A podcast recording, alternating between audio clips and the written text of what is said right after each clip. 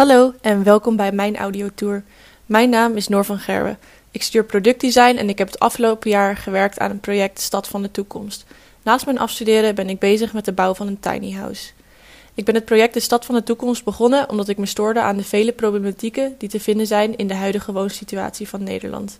Onder deze problematieken vallen de vastlopende wooncarrière, het ontstaan van eenzaamheid, vernieling en verwaarlozing van openbare ruimtes, milieuvervuiling, grote druk op de biodiversiteit en het tekort aan bouwgrond. Ik heb deze problemen onderzocht en voor ieder van hen een oplossing bedacht.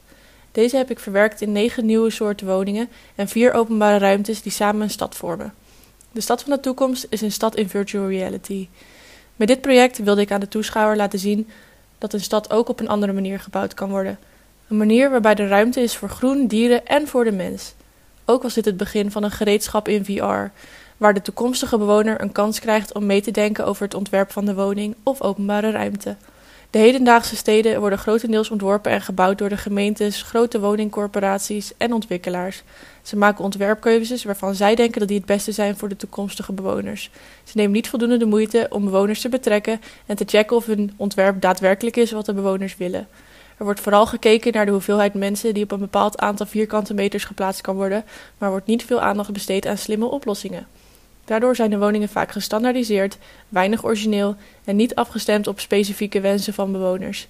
Ik wil virtual reality gebruiken om een link te creëren tussen de bewoner en de ontwikkelaar, waarbij er woningen en openbare ruimte gecreëerd kunnen worden waar iedereen blij mee is.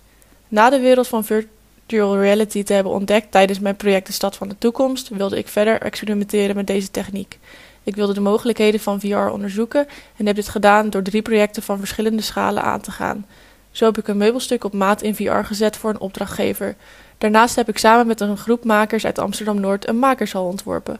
Dit is een hal waar ruimte is voor ateliers en voor gedeelde openbare ruimte. Ten slotte heb ik een plek waar mijn tiny house komt te staan in virtual reality geplaatst. Dit heb ik gedaan met de input van mijn toekomstige buren. Ik hoop dat jullie nu wat meer weten over mij en mijn project. En als jullie vragen hebben, laat me dit dan vooral weten. Doei doei!